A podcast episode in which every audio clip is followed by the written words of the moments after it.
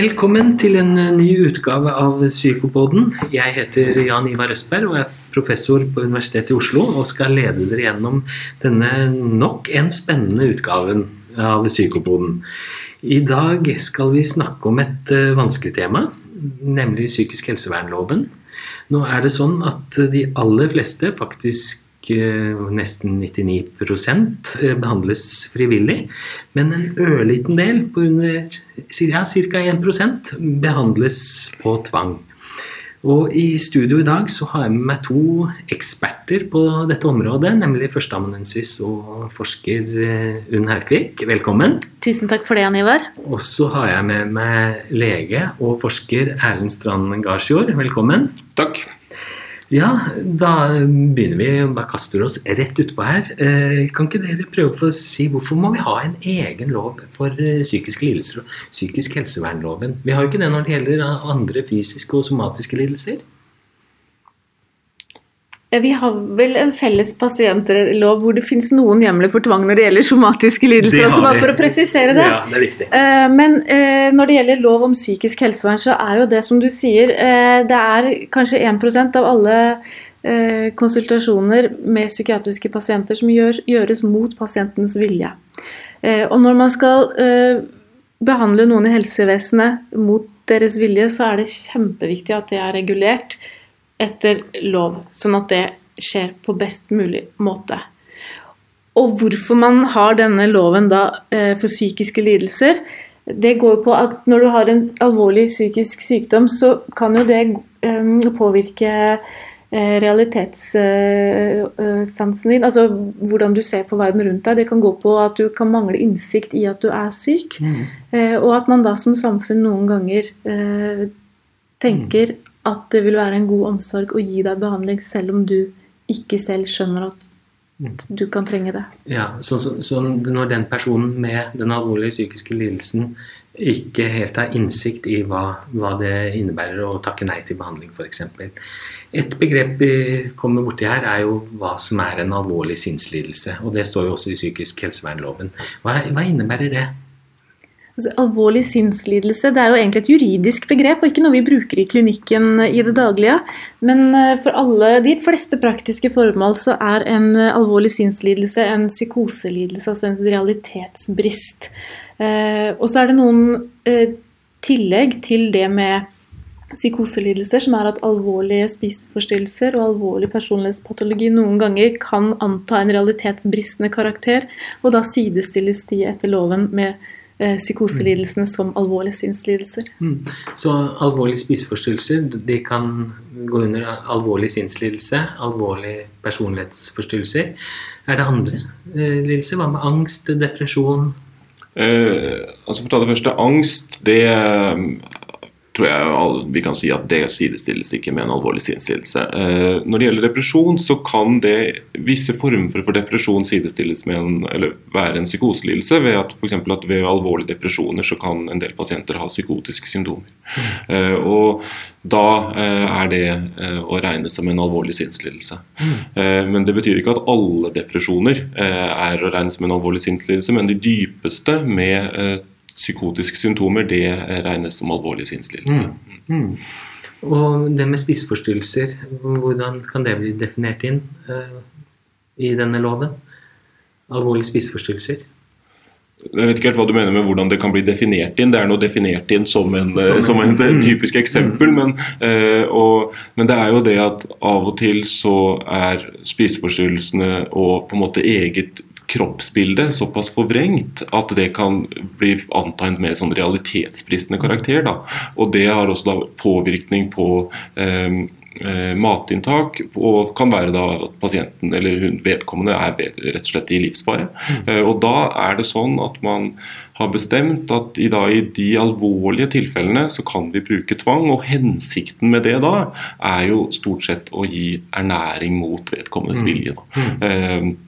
Mm. Så det er, eh, men det, det, er igjen, det er litt sånn som med depresjon. ikke sant? At det er eh, de aller fleste med spiseforstyrrelser de behandles under frivillige rammer, og der er det ikke å sidestille med en alvorlig sinnsstillelse, men i de aller alvorligste tilfellene så er det en en, ja, en mulighet, da, en åpning i loven for å Mm. eh, bruke mm. tvang. Mm. Det var litt, litt om det begrepet alvorlig sinnslidelse som du sa, Jon. Så er ikke det noe sånn klinisk begrep eller eh, diagnose vi bruker på en måte i, i klinikken. Eh, I tillegg, men vi har en del sånn Det er ett av kriteriene i psykisk helsevernloven. Er det andre ting som er viktig å ha med seg? Mm. Ja, så Hvis man har fått på plass at uh, pasientene har en alvorlig sinnslidelse, uh, så er det to kriterier uh, til som, hvor, hvor, ett av de må være oppfylt for at man kan iverksette tvang etter psykisk helsevernloven. Og Det første det er det vi kaller for farekriteriet. At personen er til overhengende fare for seg selv eller for andre mennesker. og det andre behandlingskriteriet er at han får sin utsikt til bedring vesentlig forspillet. Mm. Og nå kjente jeg at det var mange veier vi kunne gå videre i denne diskusjonen. Skal vi ta farekriteriet først? Ja. ja.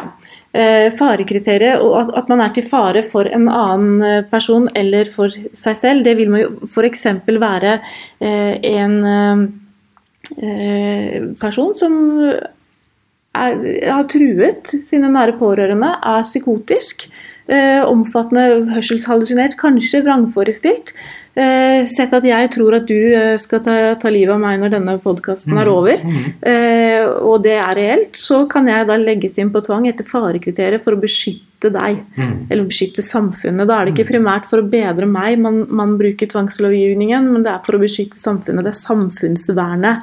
Og det samfunnsvernet, farekriteriet, det gjelder uavhengig av om pasienten er samtykkekompetent eller ikke. Mm. Eh, Hadde jeg vært ikke-psykotisk eh, og til fare for deg, så skulle jeg jo ikke, altså, ikke inn i sykehus. Da skulle jeg jo blitt sendt til politiet, bare for å presisere det. For å bruke farekriteriet så må man først ha en alvorlig sinnslidelse. Det er jo litt viktig å presisere da at de aller fleste med en psykoselidelse er jo ikke til fare for andre. Det er det ikke. Og man kan være til fare for andre selv om man ikke har en psykoselidelse. Det er kjempeviktig. Mm. Noen sånn andre ting ved farekriteriet som er viktig å være obs på? Det er jo det at, og det kanskje, men det kommer jo etterpå, da, men det er jo det at farekriteriet det trumfer det kriteriet som vi skal snakke om etterpå, eh, med samtykkekompetanse. Og da eh, tar du ikke stilling, da trenger du ikke ta stilling til det. Men vi skal kanskje ta et, eh, snakke om det etterpå. Ja, skal vi først ta, så Vi er litt sånn systematiske i dag. Ja. For det, Psykisk helsevernloven er jo komplisert, og det er mange diskusjoner både i media, blant fagfolk og blant jurister og etikere og alt sammen. Så det er, det er mye å diskutere her. Men eh, hva med behandlingskriteriet, da? Hva, hva innebærer det? Nei, det er jo på en måte den delen av eh, psykisk helsevernloven som Eller den, der, der vi bruker tvang mer som en form for omsorg for pasientene. Eh, og det er jo de tilfellene der hvor pasienten ikke selv ser eh, behovet for eh, hjelp, men der hvor vi som hjelpere tenker at pasienten trenger behandling enten for å, at man får sin, måte, altså, for å få bli bedre, ikke sant? det er det vi kaller den positive siden av behandlingskriteriet, behandlingskriteriet, eller at man vet at hvis de ikke får behandling, så blir de raskt dårligere innenfor den nærmeste tiden.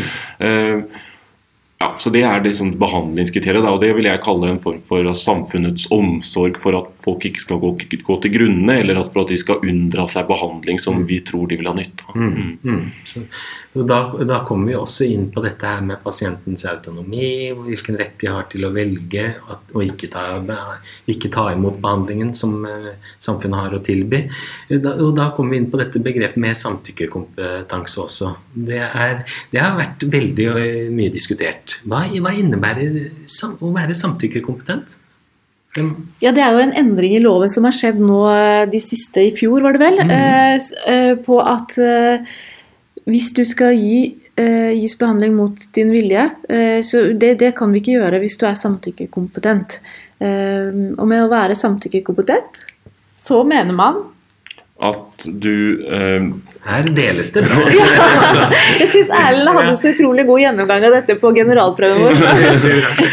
Mye bedre enn meg, så jeg syns han skal få ta den. Nei, men altså Det med å være samtykkekomponent kan man jo si at det betyr at du evner å forstå eh, hva eh, Altså at du har en eh, sykdom som trenger behandling, eh, og at du kan resonnere rundt hva, eh, både hva behandlingen innebærer og hva konsekvensen er av å ikke motta behandling, eh, og kunne uttrykke da på en måte 'jeg ønsker dette', etter å på en måte ha gjort eh, de vurderingene. Da. Og da så Det er liksom på en måte den, den, beskrivelsen av hva det er. Og så har vi en, det er For oss, bl.a. meg, da, som er litt mer tvangspreget, så går det an å ha en sånn huskeregel som man bruker. og Da kan man si at det, da bruker man farv, og da er det da forstå.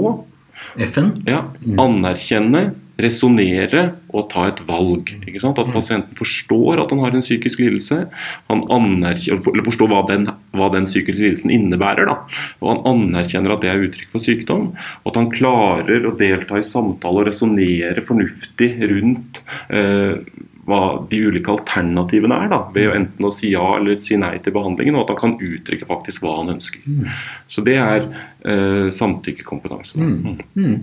Uh, et uh, veldig mye diskutert begrep, og, og blant mange forskjellige. Ja. Jeg tenker jo at det eh, som har vært tror fra myndighetenes side da, eh, så har det jo, Dette kom som sagt i fjor, 1.9. i fjor, tror jeg. og Fra myndighetenes side så har det vært viktig at eh, også eh, psykiatrisk lovgivning og psykiatrisk behandling legges tettere opp mot de lovene som gjelder i somatikken. Mm. Eh, og vi kan si at Med den innføringen av samtykkekompetanse så er nok lovgivningen i eh, det psykiske helsevernet eh, nå tettere opp mot det som vi også gjør i somatikken. I somatikken, ja.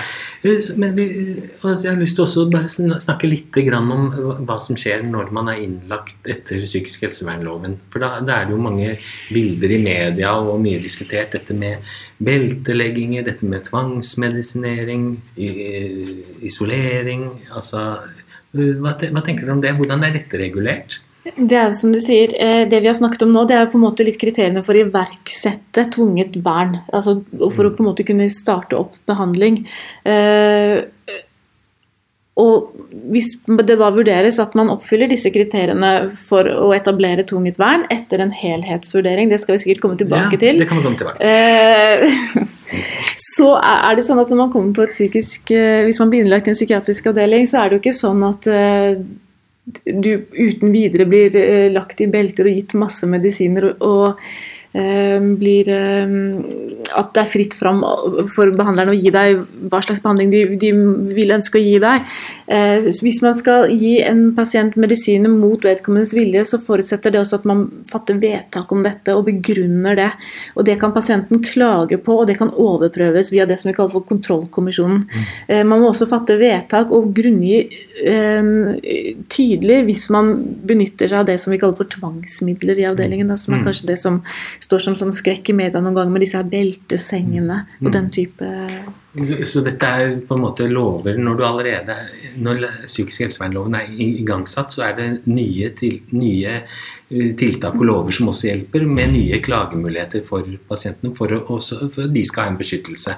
Ja, ja nettopp. Jeg tror Det er jo et, litt sånn tilbake til det vi begynner med innledningsvis. Hvorfor har vi en psykisk helsevernlov? Mm. og Det er jo også for å ivareta pasientenes rettssikkerhet. ikke sant? Mm. At vi det er jo sånn at eh, Psykiatrien er delegert en betydelig makt på mange måter. Mm. Eh, og Som også innebærer en, en potensiell eh, potensielt maktmisbruk. Da. Mm. Eh, og da er det viktig at pasientene har mulighet til å klage på sånne typer vedtak. Mm. Eh, og at det er da en uavhengig instans, ofte da kontrollkommisjonen.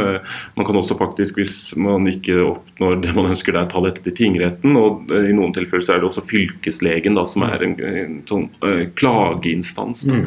Men det er viktig å huske på at dette her er lover er til for å ivareta rettighetene mm. eh, også til, til, pasientene. Til de personene som ja, sliter. Og også, også for å mm. ha som at vi som eh, helsepersonell ikke da misbruker den makten som er eh, delegert oss. Mm. Mm. Dere var jo litt inne på det i stad når vi snakket om disse kriteriene for å igangsette tiltakene. Dere nevnte en helhetsvurdering. Hva, hva går det på? Altså, for å igangsette tvunget helse, psykisk helsevern, så er det jo en del sånn, sånn liste over kriterier som skal være oppfylt. Bl.a. dette med alvorlig sinnslidelse, farekriterier eller behandlingskriterier. Så er det en del kriterier som går på at vi skal på en måte kunne tilby en behandling som hjelper. Det skal være vurdert av to ulike instanser, ulike spesialister. Mm. Eh, og man skal forsøke frivillig vern. Da, eh, mm. Sånn at det er en del kriterier som skal være oppfylt. Men selv om alle disse kriteriene er oppfylt, så kan det allikevel være at man tenker at eh, det beste for pasienten pasienten er ikke nødvendigvis et, et, eh, en innleggelse etter tvungent psykisk helsevern. Et mm. eksempel kan jo være en, eh, en som har sin første psykotiske episode hvor det å bli innlagt i en institusjon kanskje kan være overveldende Mm. og ikke hensiktsmessig skal skje en sen lørdagskveld når du kommer på legevakta med moren din som er bekymra. Mm. Mens man da kan heller vurdere at det er bedre for denne pasienten å ivaretas hos familien, hvis familien er med på dette, fram til mandag morgen, møte på eh, poliklinikken på mandag. At man på en måte alltid må bruke et klinisk skjønn og gjøre en helhetsvurdering eh, for pasienten. Mm. Har du noen Nei, og det her er jo litt, Dette er jo en, eh, litt sånn nytt farvann da, for klinikere eh, nå med innføring av dette samtykkekompetansekravet. Og det er jo også sånn at, man, no, at hvis du ikke er samtykkekompetent, så har det blitt stilt spørsmålstegn om du da kan motta frivillig behandling. ikke sant? Det, så her er det eh, litt sånne altså, motstridende eh, lovtekster da, eh, Mm. som gjør det av og til eh, litt vanskelig. Men jeg tror at vi skal eh, eller jeg tror i hvert fall at nå at det, vi bør tilstrebe at denne helhetsvurderingen eh, fortsatt er eh, sentral Mm. eh, når vi vurderer hva som er pasientens beste. Ja, for det har jo ikke vært noe som kom inn i loven nå. Den har jo vært der hele tiden. Og jeg kan love lytterne at det var en litt sånn heftig diskusjon mellom ekspertene i studio her om hvordan man tolker dette med helhetsvurdering og samtykkekompetanse i stad. Ja, og Jeg mener jo det at selv om en pasient ikke er samtykkekompetent, så kan vi etter en helhetsvurdering vurdere at tvang ikke er eh, til eh, eh, det beste for pasienten. Men det motsatte, der pasienten er samtykkekompetent, så kan vi ikke etter en helhetsvurdering vurdere at tvang er det beste for han. Ja, og bare for- det den, Og bare for å informere lytterne om hva som var den eh, vi, vi var ikke så uenige. Vi representerte vel egentlig bare to ulike. fordi nettopp når det kom den samtykkeloven, så er det jo Intensjonen er god fra de som har laget loven, men så blir det som Erlend sier, en del litt sånne paradoksale kliniske situasjoner som oppstår. At hvis du har en pasient som, ikke du har vurdert, som, er, som du har vurdert ikke er samtykkekompetent, som sier han vil legge seg inn frivillig, så skal du etter lovteksten sånn den står, da skal han legges inn en- eh, etter tvangsparagraf. Og dette er jo tenkt for å sikre rettsvernet til pasienten. Så fra et sånn rent sånn stringent etisk perspektiv så, kan man, så, så vil man si at det er til det gode, for da får man overprøvd det. Og man får sikra at altså alt skjer etter protokoll hos en pasient som da ikke er samtykkekompetent. Eh, men så, så, får man da, så har man denne helhetsvurderingen på slutten. ikke sant? Så Ja. da, da får man en sånn Om det er hull i lovverket, eller i hvert fall en sånn slags motsetning der som Ja. Eh, ja. Det er i hvert fall en utfordrende klinisk situasjon å stå i, tror jeg vi Det, det tror jeg vi kan slutte av. det. Det er- mye, mye utfordringer og mye diskusjoner fortsatt her. Men når jeg sitter og hører på dere snakke nå, så, så, så sier dere at det skal være en alvorlig sinnslidelse, det skal være noen tilleggskriterier, det skal være en helhetsvurdering, dere diskuterer samtykkekompetanse. Hvis vi tenker litt sånn mm, praktisk her nå, hvordan, hvordan vil- det være i en sånn vanlig situasjon for deg, Erlend? Du jobber jo mye på legevakta i Oslo, på psykiatrisk legevakt. Mm. Hvordan vil du vurdere dette her med eh, pasientens autonomi kontra eh, nødvendigheten for en innleggelse? Hvordan vil du vurdere dette? her? Hva vil du, hvordan vil praktisk situasjon være for deg? Nei, En typisk situasjon kan jo være eksempel at det kommer en eh, ung gutt eller jente ned sammen med eh, foreldrene sine, som er eh, bekymret for henne da, eller han. Og hvor jeg da snakker med pasienten. og Altså det er jo da, da er det jo på en måte et sånt hierarki av vurderinger da, som du gjør i den samtalen. For det første så vurderer du jo eh, skal denne pasienten innlegges eller ikke. ikke sant? Eh, og hvis du tenker ja, den vedkommende bør innlegges, så er jo spørsmålet er det frivillighet eller eh, tvang. da. Og da må du jo rett og slett eh, gå gjennom de kriteriene vi har snakket om nå. Eh? Er, hvis det er, har han, en, han eller hun en alvorlig sinnslidelse, ikke sant? og det er jo typisk da psykosesymptomer, da, f.eks. at han opplever seg forfulgt eller overvåket, eller at hører stemmer eller den type ting. ikke sant? Mm, realitetsbrist. Eller et realitetsbrist. Og så må du ta stilling til dette med om eh, eh, hvis, han, hvis jeg ikke etablerer tvang her, kommer jeg han da til å bli raskt dårligere eller til å måtte unngå å bli bedre? Mm. eller er det sånn at vedkommende er til fare for eh, hverandre? Og Så må vi undersøke også hva ønsker han eller hun. ikke sant? Og Det er jo nettopp dette vi snakker om med pasientens autonomi. da, Hva ønsker eh, han eller hun? Og du må også da, som en del av det, vurdere også om eh, samtykkekompetansen er til stede. da. Eh, og da må du rett og slett også eh, snakke med vedkommende hva tror du er eh, dette skyldes. ikke sant? Hva er, hva er, din forklaring på at foreldrene dine er bekymret for deg? Eh, hva tenker du at de opplevelsene du har er uttrykk for? ikke sant? Dette er spørsmål som hjelper deg eh, til å vurdere samtykkekompetansen. Hvilken behandling tenker du at er viktigst? Mm. Eh, eller tre, du trenger nå. Mm. Og så må man samle dette eh, i en, da, en helhetsvurdering til mm. slutt. og så prøver man da etter beste evne å gjøre det som er det beste for pasienten. Mm. Eh, men dette er det høres veldig sånn skjematisk og greit ut nå, men dette er vanskelige vurderinger. Mm. Uh, og jeg tenker ofte at den helhetsvurderingen der er, det er vanskelige skjønnsmessige vurderinger som jeg tror de aller fleste leger som har vært i de situasjonene, syns at det er noe av det aller vanskeligste vi har opplevd. Mm. Det er vanskelig. Psykisk helsevernloven er vanskelig, og det er vanskelig også å, å utføre det mm. på mange måter. Jeg tenker Det er veldig mange eh, andre temaer i, når det gjelder psykisk helsevernloven som vi kommer til å diskutere. Bl.a. det med det dom til behandling, som er et uh, viktig tema. Det skal vi ta i en annen podkast. Eh, og, og, andre ting som vi kommer inn på senere. Det er mange, mange punkter. Men eh, takk for at du lyttet. Så da sier jeg takk til Unn Haukvik som var med oss, og Erlend Strand Garsjord og meg, Jan Ivar Østberg. Vi, Takk til deg, Jan Ivar. Vi, vi høres. Tusen takk.